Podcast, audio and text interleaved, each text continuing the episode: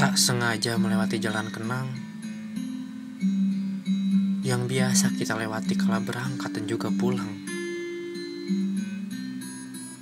Masih sama asrinya dengan sejuk pagi yang menusuk dan sunyi malamnya yang tak berani berucap kepada jangkrik yang terus berdecik. Hamparan padi beralun saling berlamun, berembun sehabis rintik hujan lembayun,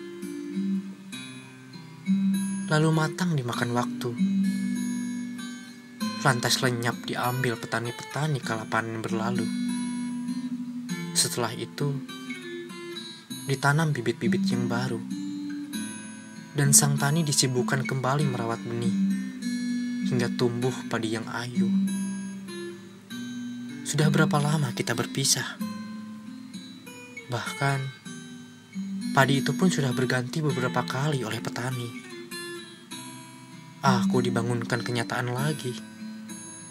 Ternyata kita sudah terlampau lama tak saling memiliki.